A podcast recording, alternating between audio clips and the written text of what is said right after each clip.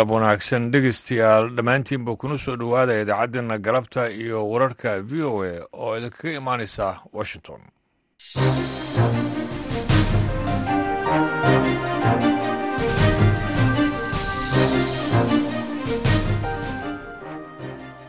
Dhegeystayaal waa sabti siddeed iyo labaatanka bisha januari sannadka labada kun iyo saddex iyo labaatanka. Waxaadna haatan naga dhegaysanaysaan mawjadaha gaagaaban ee lix iyo tobanka iyo sagaal iyo tobanka mitrband iyo boggene v o e somaali com. Saacadduna haatan afrikada bari waxay tilmaamaysaa afartii galabnimo. Idaacadda galabta iyo wararka v o e waxaa idiin soo jeedinaya anigoo ah ibraahim xasan daandure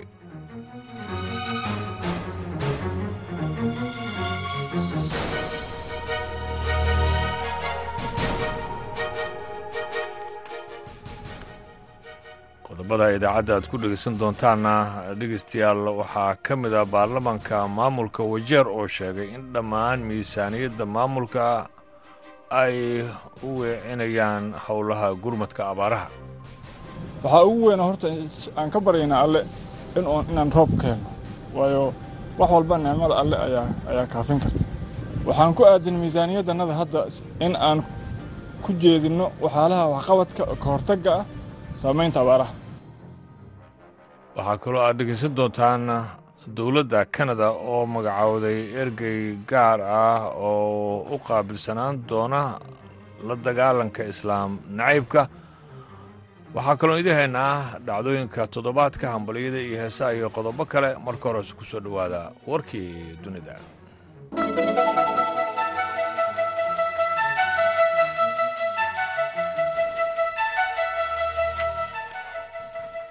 falastiiniya ayaa rasaas ku furay bariga qudus maanta isagoo dhaawacay laba qof sida ay sheeqeen shaqaalaha caafimaadka israa'iil.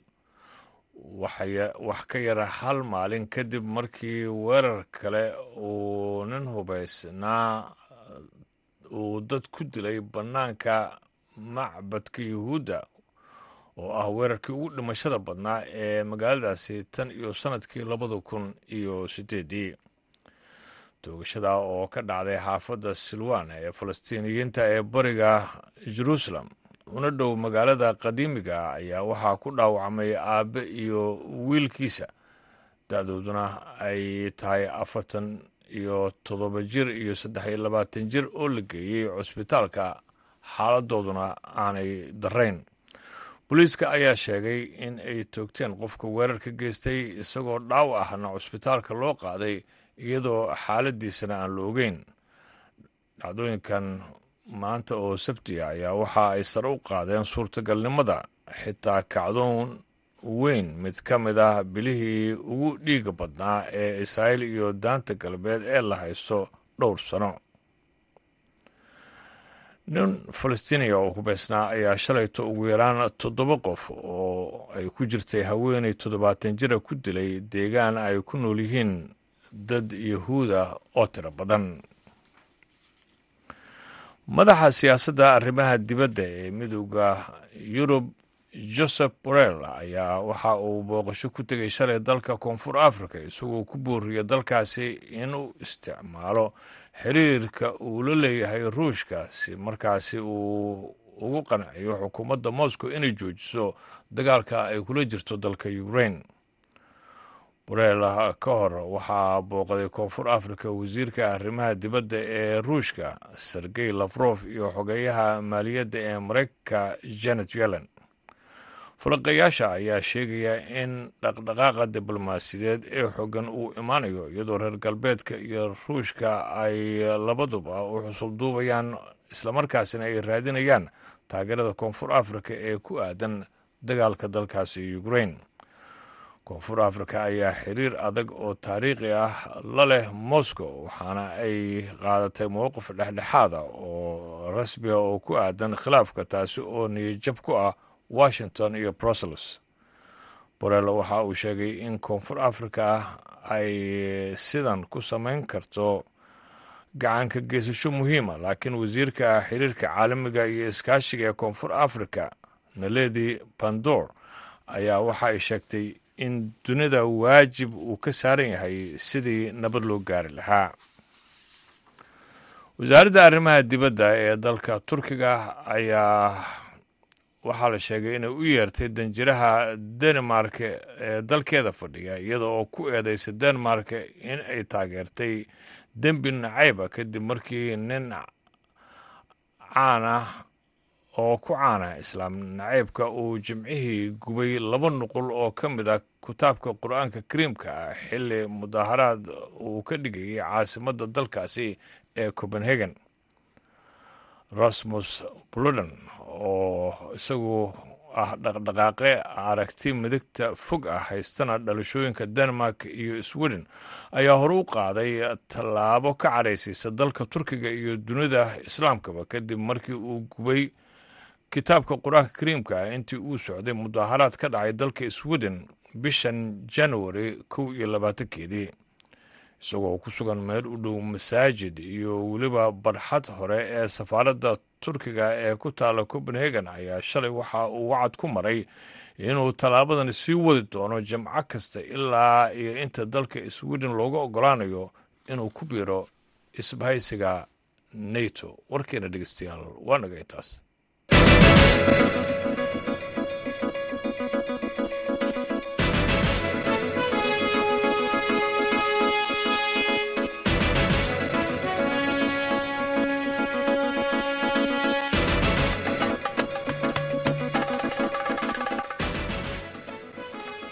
golaha hoose ee baarlamanka maamulka wajeer ayaa kulan uu yeeshay shalayto sheegay dhammaan miisaaniyadda maamulka wajeer inuu u wiciyey arrimaha gurmadka abaaraha xilli gobolkaasi.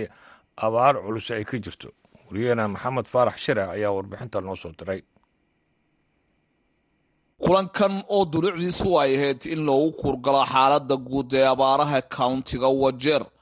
Bil walbana mar la qaban jiray ayaa haatani waxaa loo bedelay isbuuciba mar in la qabto dulucduna waxaa lagu sheegay in xaaladaha haatan abaarta oo cirka isku sii shareeraysa marba marka ka sii dambeysa deegaanada qaarkoodna haatan dadkii ku noolaa ay ka sii baxayaan ayna qabteen degmooyinka fogfog sida gaarisa gobonatore ku-xigeenka countiga wajeer mudane axmed maxamed oo shir jaraad ku qabtay xafiiskiisa ayaa waxa uu sheegay in haatan malaayiin lacag oo loogu talagalay dhanka horumarka dowladdiisu haatan ay u soo weecisay dhanka adeeg bixinta iyo gurmadka degdege loo sameynayo shacabka haatan abaarahu ay saameynta ku yeesheen. Waxaan ka hadalnay wixii annaga dowladda aan qaban karno iyo wixii inta hay'adaha samafalka iyo dowladda dhexeda ay qaban karto. Waxaana u bedelnay inaan isbuucla ka dhigno oo isbuuciga hal mar mitinkan u dhaco si abaarahan joogtada ah abaarahan maantaqaana baahday dhibaatooyin isbarkaday bulshadii u soo jiiday in aan wixii karaankanaga aan ka gaarno insha allah waxaa ugu weyna horta aan ka baryaynaa alle inaan roob ka helno waayo wax walba nicmada alle ayaa kaafin karta. Waxaan ku aadin miisaaniyadanada hadda tii shalay la mariyey si ay arki doontaan bulshada in aan ku jeedinno waxyaalaha waxqabadka ka hortagga ah saamaynta abaaraha. Waxaan insha allah soo iibin doonaa isbuucyadan soo socdo cunto dhan ilaa iyo gaarto ilaa iyo shan afartan iyo laba kun oo qoys. Gaarto ayaan soo iibin doonaa. Tii horan iibina waxay gaaraysay shan iyo labaatan kun oo qoys. Haddana afartan iyo laba kun bay gaari doontaa insha allah. Isbuucyadan soo socdana way heli doonaan. Mudane axmed ayaa waxa uu sheegay in culeys fara badan deegaanada qaarkood haatan uu ka haysto. Halka deegaanada qaarkood dadku ay macaluul u dhimanayaan deegaanada qaarkoodna ay ilaayaa haatan cudurka shubanbiyoodka uu ka jiro wuxuuna qiray in arrinkan uu yahay mid aysan keliya dowlad goboleedka wajeer county aysan si waafiya ugu istaagi karin hay'adaha maxalliga iyo kuwa caalamiga iyo dowladda dhexna. Waxa uu ka codsaday in garab istaag buuxa la siiyo. Waxaa dowladda ay ku howl jirtaa oo aad mataqaanaa ay uga howl jirtaa maalin walba arrimaha biyaha biyodhaamintii baa socota ceelasha maanta waxaa jaba suu hadda ii sheegay directorka. Maalin walba shan iyo toban ceel baa la hagaajinaya shan iyo toban ceel maalin walba in la hagaajiyo wax sahlan maaha. Wax baa jabaya qaar baa u baahan bamb iyo wax la mid ah. Marka shan iyo toban ceel in la hagaajiyo wax sahlan maaha. Laakiin waan ku howlannahay waan u soo jeednaa har iyo habeen waana ka shaqayn doonnaa. Bulshadan inta karaankanaga kama jiifanayno. Iyagana waxaan doonaynaa insha allahu in ay taageero buuxdana siiyaan baryada allana badiyaan bulshaweyntana insha allah wixii horumarka ayada keeni karo in ay mataqaanaa ku dhaqaaqno insha allah waxaan ka codsanayaa inta hay'adaha samafalka in wada shaqayn dhow ay naga dhexayso si ka hortagga abaaraha iyo saameyntooda ay noogu fududaato si qorshaynta iyo qorshaynta barnaamijyada iyo projectada ay noogu fududaato in wada shaqayn dhow ay naga dhexaysa ayaan ka codsanaynaa. Kuma filnin ismaamulka wajeer kuma filno baahida keligii inuu inuu wajaha wax ka qabto.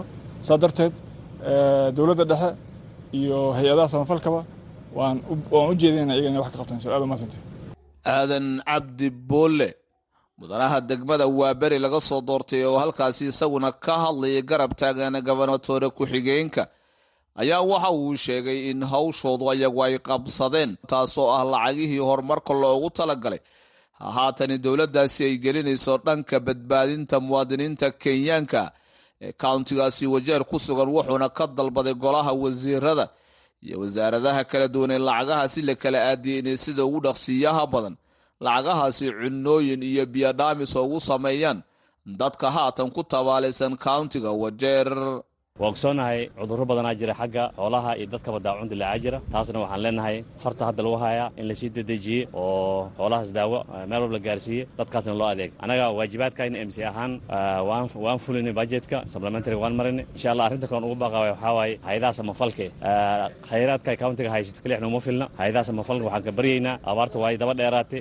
Inagob ilaahay baryayna insha allah ayagana si gacan ayna soo siiyaan si degdeg eh ayaan ka codsanayna biidn illahi kariim wajeer waxay ka mid tahay gobollada haatan u nuglaaday abaarta. Qaybo badan oo ka tirsan shantii sane la soo dhaafay wax rooba kamaysan hoorin. Xoolihii ugu faraha badnaa ee kauntigaasi wajeerna haatani waxay soo qabteen.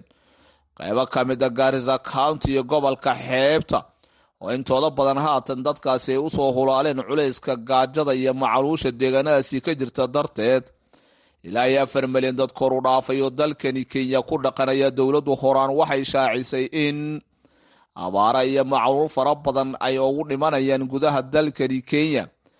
Halka sidoo kale xukuumadda dalkani kenya madaxweyne william ruuto uu hogaamiye ay shaacisay in adeeg bixin fara badan iyo cunooyin la geen doono goobaha kala duwan ee haatan dhibaatooyinku ay ka taagan yihiin. Maxamed faarax shire v o a garisa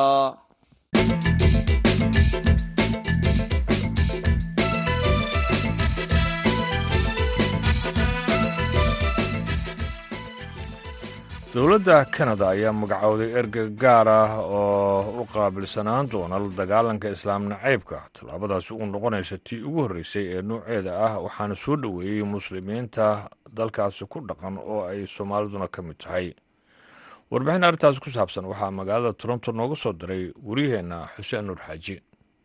Ra'iisul wasaaraha dalkan kanada justin trudeau ayaa khamiistii amira el gawaabi oo ah suxufiyad madax bannaan oo u dhaqdhaqaaqda arrimaha bani-aadinimada u magacaabay inay noqoto ergeyga dowladda ee la dagaalanka islaam nacaybka. Amiira ayaa dowladda kala talin doonta sida ugu wanaagsan ee wax looga qaban karo faquuqa iyo nacaybka ay la kulmaan bulshada muslimka ah ee dalkan waxaa kaloo kaalinteedu ay noqon doontaa sida qoraalka lagu sheegay talobixin siyaasadeed mid sharci dejin iyadoo sidoo kale soo jeedin doonta barnaamijyo iyo xeerar loo dhan yahay. Ra'iisul wasaaraha ayaa qoraal ku yiri ma ahan qof ka mid ah bulshadeennu inuu dareemo nacayb la xiriira diinta uu rumaysan yahay. Magacaabista amiire ayuu ra'iisul wasaaruhu ku sheegay inay tahay tallaabo muhiim u ah dagaalka lagula jiro nacaybka muslimiinta nooc walba uu yahay ra'iisul wasaare trudo ayaa tilmaamay in amiira uu kala shaqeyn doono sii wadista dal nabad ah oo ku dhisan xushmad. Axmed xuseen oo ah xildhibaan heer federaal ah oo laga soo doorto xaafadda ay soomaalida ku badan tahay ee york south weston sidoo kalena ah wasiirka guryeenta kala duwanaanshaha iyo kanada loo dhan yahay ayaa isagoo matalaya dowladda wuxuu magaalada toronto uga dhawaaqay magacaabista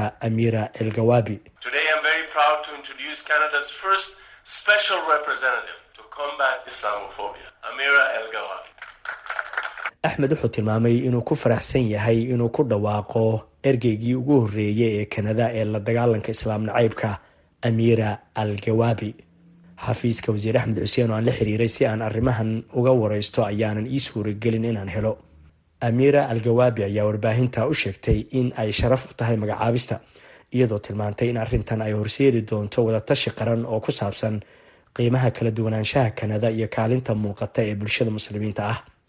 Muslimiinta kanada oo soomaalidu ay ka mid yihiin ayaa soo dhoweeyey magacaabista amiira al-gawaabi waa kuwan siciid muuse daahir oo xubin ka ah ururka muslimiinta kanada una ololeeya arrimaha xuquuqda aadanaha iyo farxaan cali jumcaale oo ka mid ah aqoon-yahanada soomaalida ee magaalada toronto.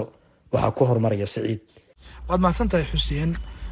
Runtii magacaabista ergeygan waxay ahayd arrin in muddo aba la sugayey waxayna waxu nafisa siin doontaa bulshada muslimiinta ee ku nool kanada ururada muslimiinta haatan waxay heli doonaan qof ay si toosa ula xiriiraan kaa oo iyagana ka tirsan dowladdana u qaabilsan tabashadooda taas oo aan horey u jirin. Sidoo kale dadka dhibaatadan geysanayana waxay arkayaan in haatan dowladdu ay soo jeensatay oo ay la xisaabtami doonto mar haddii ay dowladdu ergey u samaysay arrintan waxa xigi doonana waxaan is leeyahay waxay noqon doonaan in arrintan shuruuc adag laga soo saaro kuwaasoo baarlamaankana la geyn doono. Markaa kadibna dhaqan geli doona. Waxaan is leeyahay wax weyn bay ka tari doontaa xiriirka jaariyadaha muslimiinta ah iyo dowladda. Si kale haddaan u idhaahdana dadka dhibanayaasha u ah islaam nacaybka iyo hay'adaha dowladda. Waxaan ognahay in islaam nacaybka uu haatan xadhkaha goostay. Oo maalinba maalinta ka dambaysa aan arkayna falal nacayba. Marka waxun maaragtay xoogaa bay qalbiga u qaboojin doontaa oo in la dhegeystay bay muujinaysaa. In la isqadariyo oo dhibaatooyinka dadka islaamka ah ka haysta galbeedkana il gaara lagu eego wax weynay ka taraysaa waana soo dhoweyneynaa haddii aan nahay soomaalida ku nool dalka canada. Magaalooyin dhowra sida toronto ay ka mid tahay iyo magaalo la yidhahda london ontario tacadiye ayaa ka dhacay oo islaam nacayb ah. Ninbaa mar lagu dilay magaaladan toronto isagoo nin waayeel ah oo masaajid ka soo baxaya islaam nacayb daraaddii loo dilay. Qoys bakistaan ah oo dariiqa maraya yaa gaari la jirsiiyey afar qofood ay ku dhimatay. Waxyaabo badanaa ka dhaca canada iyo dhammaan galbeedka. Marka dowladda canada inay magacaawdo ergeyga u qaabilsan ka hortaga islaam naceebka waa wax aada u wanaagsan. Waanan soo dhoweyneynaa waana tallaabo ku daysho mudan. Magacaabistan ayaa imaaneysa xilli muslimiinta kanada ay marar kala duwan la kulmeen weeraro nacayb ku salaysan kuwaasoo qaarkood lagu dilay dad muslimiina. Xuseen nuur xaaji v o a toronto. Galab wanaagsan ayaan dhegeystayaal mar kale idin leeyahay. Haatanna waxaad ku soo dhowaataan barnaamijka dhacdooyinka toddobaadka. Waxaa soo jeedinaya cabdiqaadir maxamed mursal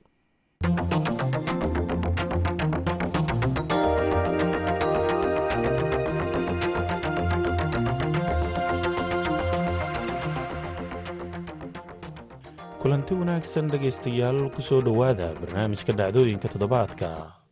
Aan ku bilownay waxaa toddobaadkan urmurtiye dhowr qodob ka kooban laga soo saaray shirweynaha culummada soomaaliyeed uga socday magaalada muqdisho kaasoo dowladda soomaaliya ay soo qabanqaabisay shirkan ayaa ku saabsanaa in la muujiyo in kooxaha argagixisada soomaaliya ee al-shabaab iyo daacish aysan lahayn wax sharciyad diineed ah islamarkaana la buriyo fasiraadda ay ka bixiyeen diinta islaamka. Sida lagu sheegay warmurtiyeedka shirka oo uu akhriyey sheekh cusmaan macalin maxamuud oo ka mid ahaa culammadii ka qayb gashay.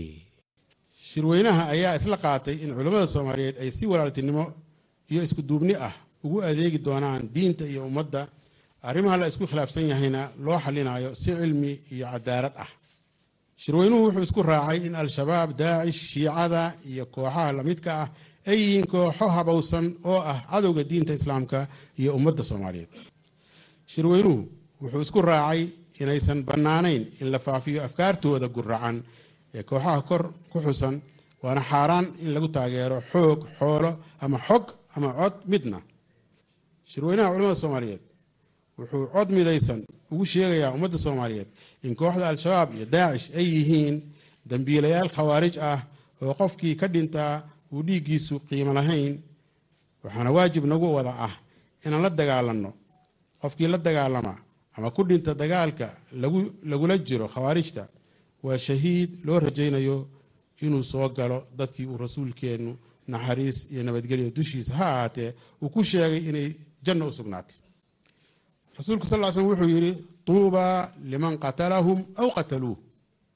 Shirweynaha culamada soomaaliyeed wuxuu isku raacay in la macaamilka kooxaha khawaarijta ah nooc kasta uu yahayba sida xoolosiinta garsoor udoonasho iyo in la qariyo qof iyaga ka mid ah uu xaaraan yahay kana soo horjeedo dhaqanka suuban ee diinteennu nafartay. Shirweynuhu wuxuu isku raacay in qofkii la wadaaga dowladda xogta khawaarijta uu ajir uga helayo alla agtiisa maadaama uu ka qayb qaatay badbaadinta shacabka soomaaliyeed. Shirweynuhu wuxuu u caddaynayaa ummadda soomaaliyeed in dagaalka lagula jiro khawaarijta uu yahay jihaad lagu difaacayo maqaasida waaweyn ee shareecada islaamka. Badbaadinta diinta nafta hantida caqliga iyo sharafka qofka aadanaha ah. Shirweynaha culamada soomaaliyeed isaga oo ka amba qaadaya in diinku uu yahay mid si isku mid a u taabanaya muwaadiniinta soomaaliyeed wuxuu caddaynayaa in culamada soomaaliyeed oo isku duuban ay dowladda ku garab taagan yihiin dadaalka ay ku horumarinayso hanaan lagu ilaalinayo diinta islaamka. Islamarkaasna waxaan isku raacnay in dowladda federaalk soomaaliya ay mas'uul ka tahay ilaalinta diinta. Shirweynuhu wuxuu ku dhawaaqay in ummadda soomaaliyeed ay tahay shacab sunni ah marka laga reebo kooxaha khawaarijta ah iyo kuwa lamidka ah al-shabaab daacish shiico iyo kuwa ummadda si guud u gaalaysiiya kuwaas oo aan la ogolayn in fikirkooda lagu faafiyo geyiga soomaaliyeed. Shirweynuhu wuxuu ku boorinayaa shacabka soomaaliyeed inay meel uga soo wada jeestaan la dagaalanka kooxaha khawaarijta ah iyaga oo ku gacan siinaya dowladooda sidii dalka oo dhan looga xoreyn lahaa kooxda khawaarijta ah. Madaxweynaha soomaaliya xasan sheekh maxamuud oo shirka kadib culummada la hadlay ayaa sheegay inuusan noqon doonin shirkii ugu dambeeyey ee culummada ay isugu yimaadaan shirkan culimada isugu timiday in badan oo culimada ka mid ah ay dhahaan weli ma ayan dhicin in intaanu culima isu timaado sidaana ay u hagaagsanaato. Ilaahay idankiis shirkii ugu horreeyey hadduu ahaa kii ugu dambeeyey ma noqonayo culimadeenu shirar xilliyeysan ayay yeelan doonaan. Dalkan dal furan oo taladiisa la wada leeyahay annagu waajib waxaa nagu ah inaan dalka inta dadka intaan isugu yeerno isu keenno tala aan weydiino maxay idinla tahay? Washaawirhum fi lamri fa idaa cazamta fatwa. Annagu marka haddii aanan shawrkaas aanan helin go'aanada aan gaarayna laftoodu su'aalo badanaa ka taagnaana. Waxaan kaloo aan rabaa inaan warkayga aan ku soo gunaano culamo allah waxaan idinka codsanaa. Anoo og inaad og tihiin. Haddana idin xusuusinaya inaan u dadkaynu waa kala qaybsan yahay waa kala tagsan yahay inaan isku soo celino inaan u istaagno wadaad kastow kutubka markaad furto ood ardadaada aad wax u akhri tagto bal fiir ardada kula joogta yihiin. Haddaba kulanka ay isugu yimaadeen culummada kaalin intee la-eg ayuu ka qaadan karaa dagaalka dowladda soomaaliya iyo shacabka ay kula jiraan kooxda al-shabaab iyo sidoo kale ka hortaga fikirka xagjirnimada ayaan weydiiyey shariif cabdiraxmaan maxamed oo ka mid ahaa culimmadii ka qayb gashay shirka arrintan ku saabsan culimmadii soomaaliyeed oo kala duwan oo ilaa iyo saddex boqol oo sheekh ah inay isugu yimaadeen muxuu ahaa muqdisho iyagoo ka jawaabaya codsi iyo baaqii ka yimid madaxweynaha jamhuuriyadda soomaaliya mudane xasan sheekh maxamuud. Arrintaas waxay wax badan bay ka tari doontaa muxuu ahaa soo afjaridda nimankan xagjirka ah ee al-shabaab. Sababtuna waxa weeye culimadii soomaaliyeed qaybahoodii kala duwanaa. Maxaa jira culimadu waa dad fara badan. Sidaan inagu ugu kala duwanay aragtida iyaguna ay ugu kala duwan yihiin. Marka qaarkood waxaa dhici kartaa masaa'ilka inaan isku meel laga arkin. Marka inay isu wada yimaadeen isku aragti ka noqdeen nimankan inay diinta iyo dalka iyo dadkaba ay mushkilo ku yihiin. Waxay sheegayaan islaamka inuusan raad ku lahayn. Inta iyagooda jira inay caddeeyaan. Waxa ay qayb weyn ka qaadanaysaa nimankan la soo afjaro. Maxaa jira hadday bulshada laga yaabo qaybo ka midu inay lahaayeen. Waniyaho sheekh hebel baa ka hadlay sheekh hebelka yaa ka hadlay culimadii mayna ka wada hadlin. Nimankan armu armay saxan yihiin armay sidan yihiin armay noocan yihiin. Hadda waxaa caddaanaysa geeday ku jirto qof muxuu ahaa culimo ahoo siinaya sharciyo ma jiro. Culimadii oo dhan baa tiri nimankan waxay sheegayaan diin shaqo kuma leh islaam shaqo kuma laha. Saa darteed waxaan rumaysannahay bulshada inteeda kalena inay culimada ay ku raaci doonto. Kadibna nimankanu aysan jirin gabaad ayna heli doonin oo meel ay ku gabadaan ayna jiri doonin. Taas waa qaybtaas weeye. Qaybta labada ku saabsan fikriga xagjirka ah maxay arrintanu ka tari doontaa? Iyada lafteeda wax badan bay ka tari doontaa? Maxaa jira culimadu afartii maalmood ay wada fadhiyeen iyaga laftooda aad bay u murmeen aad bay u sheekaysteen afkaar badan oo kala duwan oo muxuu ahaa la qabay ayaa laisweydaarsaday waxaa soo baxday muxuu ahaa nimankan military ahaan waa looga adkaanaya laakiin afkaarta lafteeda in dib loo qiimeeyo inay u baahan doonto.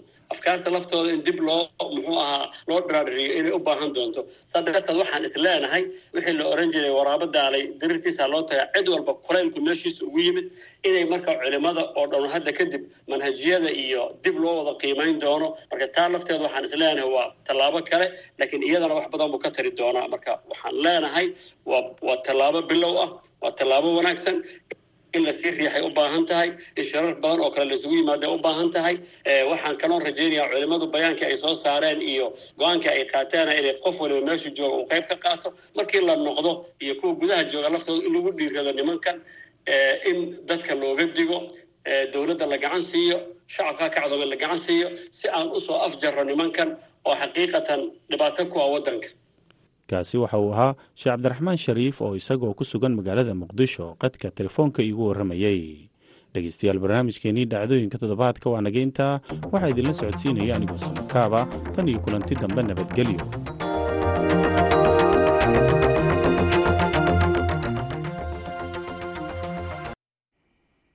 Aada iyo aad ayuu u mahadsan yahay. Cabdiqaadir maxamed mursal oo soo jeedinayay dhegeystayaal dhacdooyinka toddobaadka haatanna waxaad ku soo dhowaataan barnaamijka hambalyada iyo heesaha. Waxaa wajir u soo jeedinaya. Anigoo ibraahim xasan daandurey iyo ismaaciil xuseen farjar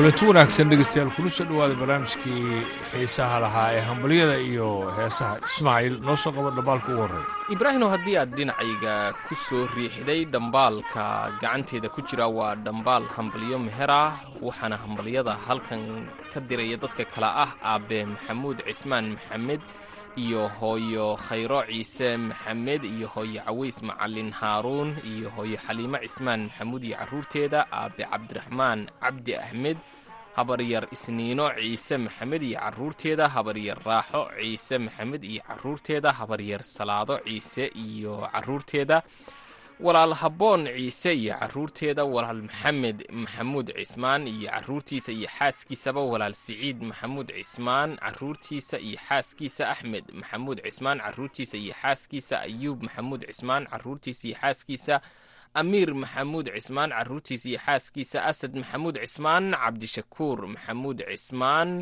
cabdiraxmaan maxamuud cismaan saytuun maxamuud cismaan iyo carruurteeda sahre maxamuud cismaan iyo carruurteeda hodan maxamed qaaje iyo weliba sahro ciise xuseen hiiro siciid cumar fartuun maxamuud faarax iyo carruurteeda ubax xasan jirde iyo carruurteeda xaliimo xasan dube iyo carruurteeda faadumo yaasiin jaamac iyo carruurteeda waaw waxaan u malaynayaa faadumo yaasiin jaamac waa wariyahayagii v o a nooga soo warrami jirtay puntland. Hadday faadumadaas tahay aad baan u salaamayaa. Haddii kalena waa inan la magaca. Dhammaan dadkaas oo kala jooga dalka gudihiisa iyo dibaddaba waxay tahniyad meher u dirayaan mudane abshir maxamuud cismaan iyo marwo adno cabdiraxmaan cabdi oo meherkoodu uu ka dhacay magaalada burco taariikhdu markay ahayd lix iyo labaatankii bishii koowaad sannadka labada kun iyo saddex iyo labaatanka waxay leeyihiin wiil iyo caano gabadh iyo caano aamiin ayaan leenahay. Waa tahay dhambaalkana waxa uu nooga yimid hooyo haweeye cusmaan ducaale iyo luul muuse cabdi iyo nafiise muuse cabdi iyo aamine muuse cabdi iyo najme cali xasan iyo nuur muuse cabdi axmed muuse cabdi ismaaciil muuse cabdi raage cusmaan ducaale ayaan faarax jaamac cabdi faarax jaamac suldaan axmed cabdi shire jaamac maxamed xirsi iyo cabdulaahi maxamed jaamac iyo macalin rashiid cali cabdulaahi. Dhammaantoodna waxay hambali gaarsiinayaan maxamed dayib muuse cabdi iyo nimco dubadgaas oo ku aqalgalay degmada gaashaamo. Waxaana ay leeyihiin aqalgalkiina kala kulma bashashii barwaaqo aamin ayaan leenahay. Heesta koowaad noo soo qaba ismaaciil ibraahim oo haddii aad heesta koowaad dhinacayga aad ku soo riixday waxa aan soo qabanayaa heesta guryosamo ee ay ku luuqeeyaan fanaanka cabduqaadir jubba iyo weliba allaha u naxariistee kinsi xaaji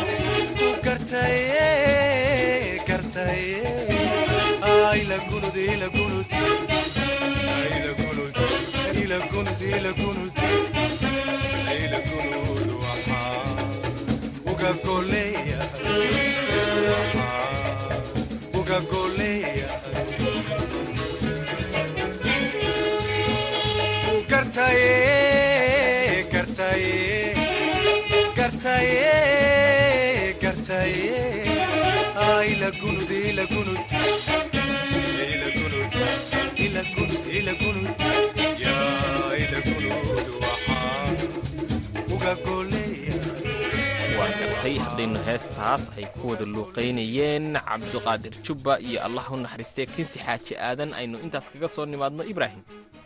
Waxaa noo baaqiya aabe isaaq xasan qalafow iyo aabe xuseen xasan qalafow iyo aabe cabdi xasan qalafow eedo nuuriyo xasan qalafow iyo eedooyin xaliimo xasan qalafow ceeblo xasan qalafow iyo xabiibo xasan qalafow iyo gamaano xasan qalafow deeqo xasan qalafow faadumo xasan qalafow qaali isaaq xasan iyo saygeeda iyo caruurtooda bishaar cali maan iyo waxay yidhahdeen xaaskiisa iyo daymon cali. Maan iyo saygeeda iyo leyla cali. Maan iyo saygeeda iyo baashi cali. Maan suge aadan xasan saciid suge aadan iyo cumar cali xarbi iyo cali jimcaale aadan iyo maxamed cabdulaahi qanyare iyo suleykha maxamuud cabdulaahi wiilo maxamuud cabdulaahi iyo baarliin aadan cartan asxaabta iyo dhammaan dadkaas waxay jecel yihiin inay taaniyad kal iyo laaba gaarsiiyaan cali cabdi xasan qalafow iyo mako cabdulaahi xasan oo arooskooda uu ka qabsoomay gedo. Beled xaawo waxaana ay leeyihiin arooskiina allaha ka dhiga midaad kala kulantaan bashbashii barwaaqo aamin ayaan leenahay. Ibraahino waxaa haatan gacanteeda ku jira tahniyad aroos oo la dirayo oo welibana la soo yar xardhay oo wadnayaal aad loogu soo qoray waraaqda waxaana kala dirayaa dadka kale ah. Hooyo haweeya cismaan ducaale luul muuse cabdi nafise muuse cabdi aamino muuse cabdi najmo cali xasan nuur muuse cabdi axmed muuse cabdi ismaaciil muuse cabdi raage cismaan ducaale ayaan faarax jaamac cabdi faarax jaamac suldaan axmed cabdi shire jaamac maxamed xersi cabdulaahi maxamed jaamac macalin rashiid cali cabdulaahi dhammaan dadkaasi waxay hambalyo aroos oo farxad leh hawada ay u marinayaan. Maxamed dayib muuse iyo marwadiisa qaaliga ah nimco dubadgaas oo ku aqalgalay magaalada kaam cumar oo ka tirsan degmada gaashaamo. Taariikhdu markay ahayd shan iyo labaatankii bishan januari laba kun iyo saddex iyo labaatan. Waxaana leenahay barakooba oo isku waara oo ubad khayr qaba. Ilaahay haydin kala siiyo. Ibraahim haddaan inta aynan ka bixin dhinaca dhambaalada aynu waynu ku soo noqon doonaaye haddaan dhinacii heesaha mar kale jaleecno maxaad inoo haysaa? Heesta labaad in dhegeystayaashana u soo qabanayno waa gacantaada ii dhiib. Waxaa qaadaya shariif cabdalla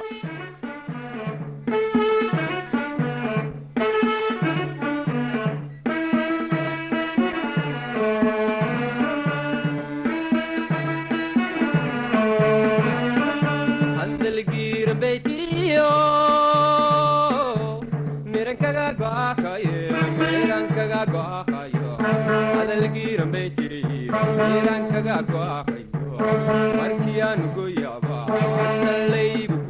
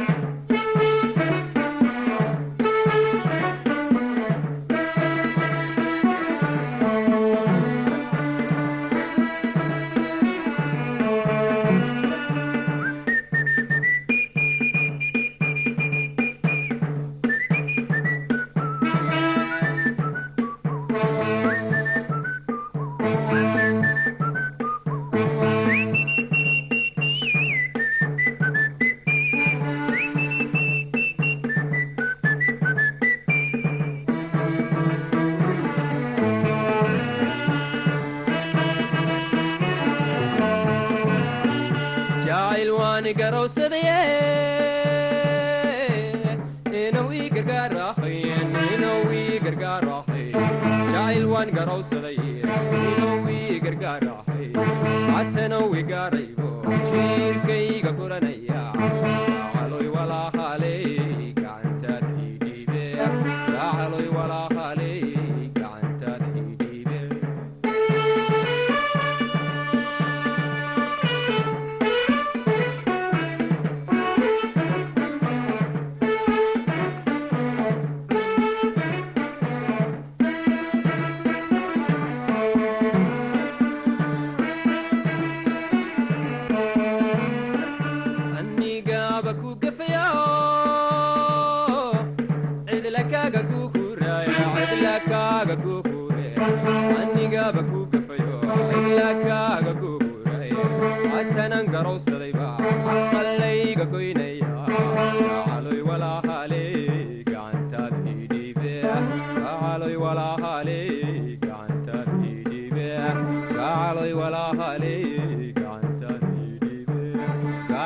ibraahinu dhinacii dhambaallada ayaan dib ugu noqon doonaa.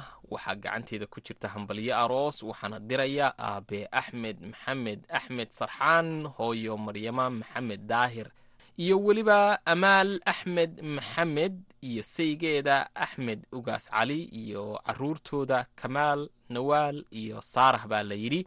Ikraan axmed maxamed iyo saygeeda liibaan maxamed carab iyo caruurtooda mustafe iyo israa doctor bahje axmed maxamed iyo injineer kamaal axmed maxamed iyo xaaskiisa sacdiye cumar iyo caruurtooda sanaa xamaada iyo weliba raa'ida doctor cabdulmuncim axmed maxamed iyo xaaskiisa firdows axmed iyo wiilkooda axmed yare injineer mukhtaar axmed maxamed oo ku magac dheer xamaraawi injineer mustafe axmed maxamed oo ku magac dheer abu maxamed iyo xaaskiisa zakiya iyo wiilkooda xamaada maxamed axmed maxamed oo ku magac dheer maxamed amiin injineer cabdulaahi axmed maxamed waxay leeyihiin dhammaantayo waxaanu hambalyo kal iyo laab ah u diraynaa lamaanaha cusub ee iscalmaday doctor maxamed macalin yuusuf iyo doctor wafaa baa xasan sheekh xasan. Ibraahim magacusaas uu qoran yahay markaa dhakhtarka iyo dhakhtaradda iscalmaday waxaa meherkoodu khamiistii ka januari ee sanadkan laba kun iyo saddex iyo labaatan uu meherkoodii iyo aqalgalkoodiiba uu ka wada dhacay magaalada muqdisho gaar ahaan xaafadda buulaxube ilaahay subxaana wa tacaala qoyskaasi haysu barakeeyo hana ka dhigo kuwii isku waara ee ubad khayr qaaba kala hela waxaa dhambaalkan uu naga soo gaaray maxamed axmed xaaji iyobarow iyo hooyo zahra cali maxamuud iyo abooto xaliimo xaaji iyobarow abooto nuurte xaaji iyobarow xaliimo maxamed axmed iyo saygeeda iyo caruurtooda iyo ibraahim axmed xaaji iyobarow iyo dhammaan reer xaaji iyobarow dhammaan reer xaaji cali faarax dhammaan reer cali islaweyn dhammaan reer maxamed qoorey dadkaasi waxa ay kala joogaan soomaaliya u k canada maraykanka iyo meelo kale. Waxayna tahniyad kal iyo laaba gaarsiinayaan xasan axmed maxamuud iyo khadiijo maxamed axmed oo afar iyo labaatankii bishan january ku aqalgalay magaalada nairobi ee dalka kenya. Waxaanay leeyihiin ducadu waa xaggiina waxaan leenahay aqalgalkiina allah ka dhigo mid aad kala kulantaan bashbashii barwaaqo eebbana uu idinkala siiyo owlaad kheyr qabta ibraahimow haddaan dhinacii heesaha gacanta yaro geliyo oo weliba waraaqda ugu dambaysaan akhriyaya dictoorka iyo dictooradda aan hees gaaraba u soo xulo waxaan u soo qabanayaa axmed naaji iyo caashe cabdow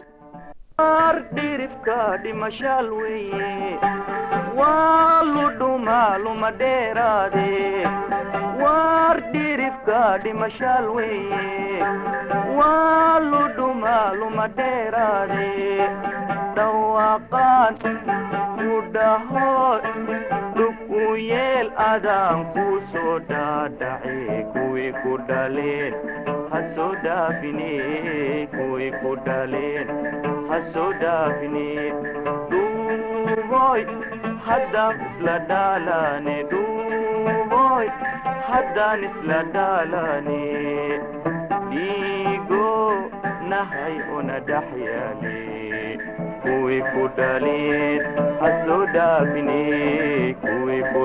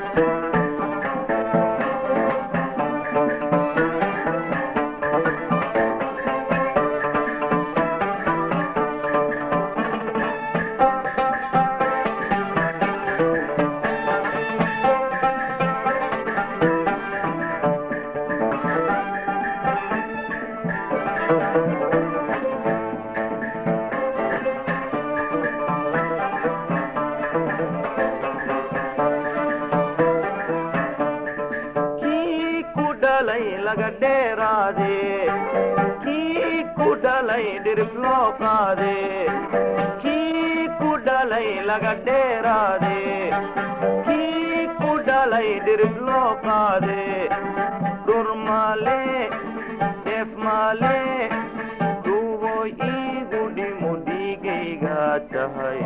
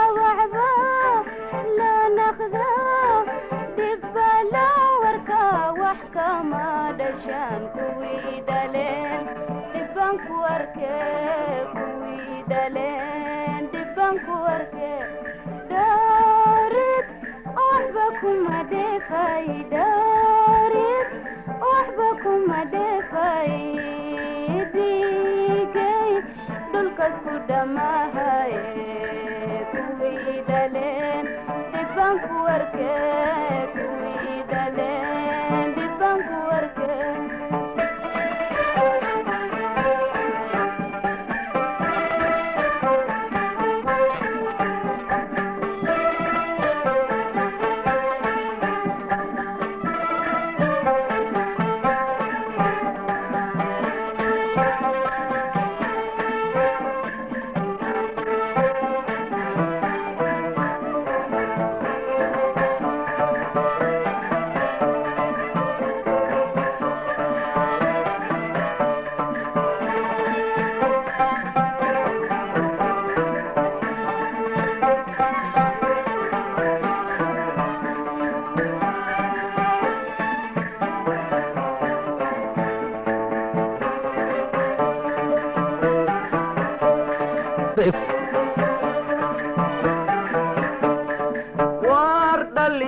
wax ma dhowraane dheel xunbay ku dhaqaaqaane waar dhallinta wax ma dhowraane dheel xunbay ku dhaqaaqaane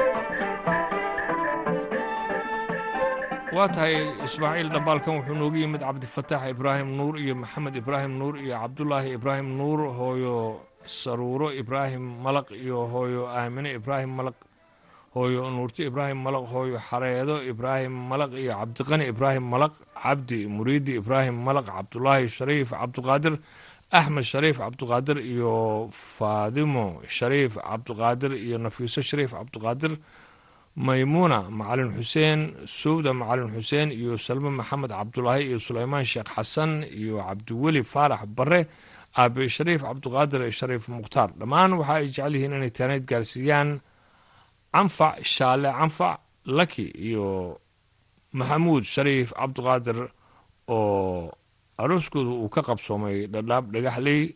Waxaan leenahay arooskiina aamin kala kulma bashbash iyo barwaaqo ibraahimow haddaan dhinacii dhambaalada dib ugu noqonno oo weliba waraaqdii gacanteeda ugu dambaysa noo soo qabto waa tahniyad ay dirayaan dadka kale ah maxamuud sheekh cali iyo bashiir sheekh cali siciid sheekh cali khadro sheekh cali safiya sheekh cali sucdi sheekh cali mureesi sheekh cali cabduqaadir sheekh cali deeqo sheekh cali mahad sheekh cali sacdiyo sheekh cali cabdulaahi sheekh cali cabdicasiis sheekh cali jamiilo sheekh cali falis sheekh cali shukri sheekh cali xaawo sheekh cali iyo dhammaan reer sheekh cali oo isku duuban waxay hambalyo aroos u dirayaan maryamo sheekh cali iyo saygeeda cabdirasaaq macalin yuusuf oo arooskooda uu ka dhacay gaalkacyo toddobiyo labaatankii bishii koowaad ee sanadkan labada kun iyo saddex iyo labaatanka. Waxaan leenahay noqda kuwii isku waara ee ilaahay uu ubad khayr qaba kala siiyo. Aamiin aamiin. Waxaa dhambaal uu nooga yimid xareed dhaqane dhicis iyo aadan maxamed kaynaan iyo injineer cali maxamed diiriye caliyare iyo axmed nuur cabdulaahi aadan iyo maymuun cumar xasan iyo axmed aadan muuse iyo maxamed cabdi xasan iyo maxamuud cabdinuur iyo cabdulaahi dhaqane iyo geni axmed xuudow iyo mawliid macalin xasan iyo cali muudey iyo maxamed deeq aadan maxamed deeqow axmed muudey iyo cabdiqani xasan goobe aabe shukri aadan cadde iyo aabe kuule cali shabeel iyo aabe xaaji muudey iyo hooyo caashe macalin xasan iyo hooyo iqro cabdiweli iyo caruurteeda hooyo shariifo macalin nuur iyo caruurteeda iyo saytuun cabdi axmed iyo xaliimo cabdi axmed iyo deeqa cabdi iyo nimco nuur farxaan bilow xareed iyo sugow cabdi axmed bare iyo farxaan buraale bare waxaana dadkaasi dhammaantood ay jecel yihiin inay halkan ka salaamaan. Taanina ay gaarsiiyaan aadan kuula cali iyo simon shugri aadan cadde oo arooskooda uu ka qabsoomay beled xaaw waxaan leenahay arooskiina aamin. Heesta afraad waa owlaad jaceyl waxaa wada qaadaya salaad maxamed shardi iyo faadumo cabdulaahi maandeeq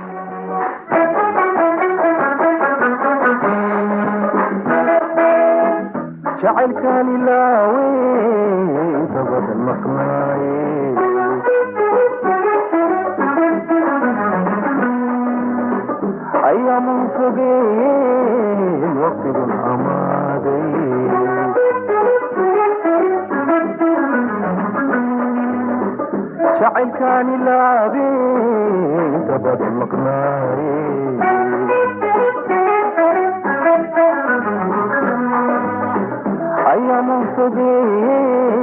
waqtigun amaaday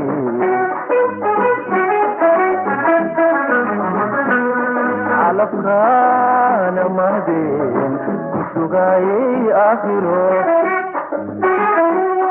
dhinacaana borkiyo samirkabaa ku iibsadee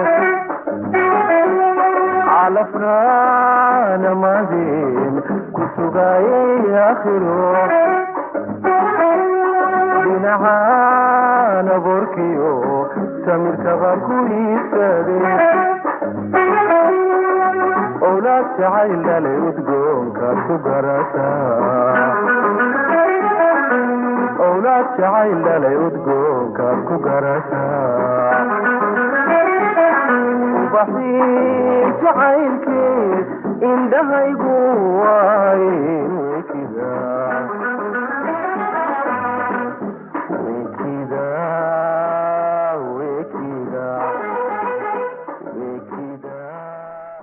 intaasna dhegaystayaal waxaa inaga eeg hambalyada iyo heesaha oo ay si wada jira idinla socodsiinayeen. Anoo ah ismaaciil xuseen farjar iyo ibraahim xasan daanduray tan iyo intaynu barnaamijkaas lamida ku kulmayno. Waxaan idinkaga tegaynaa sidaas iyo ismaqal dambe oo xiise leh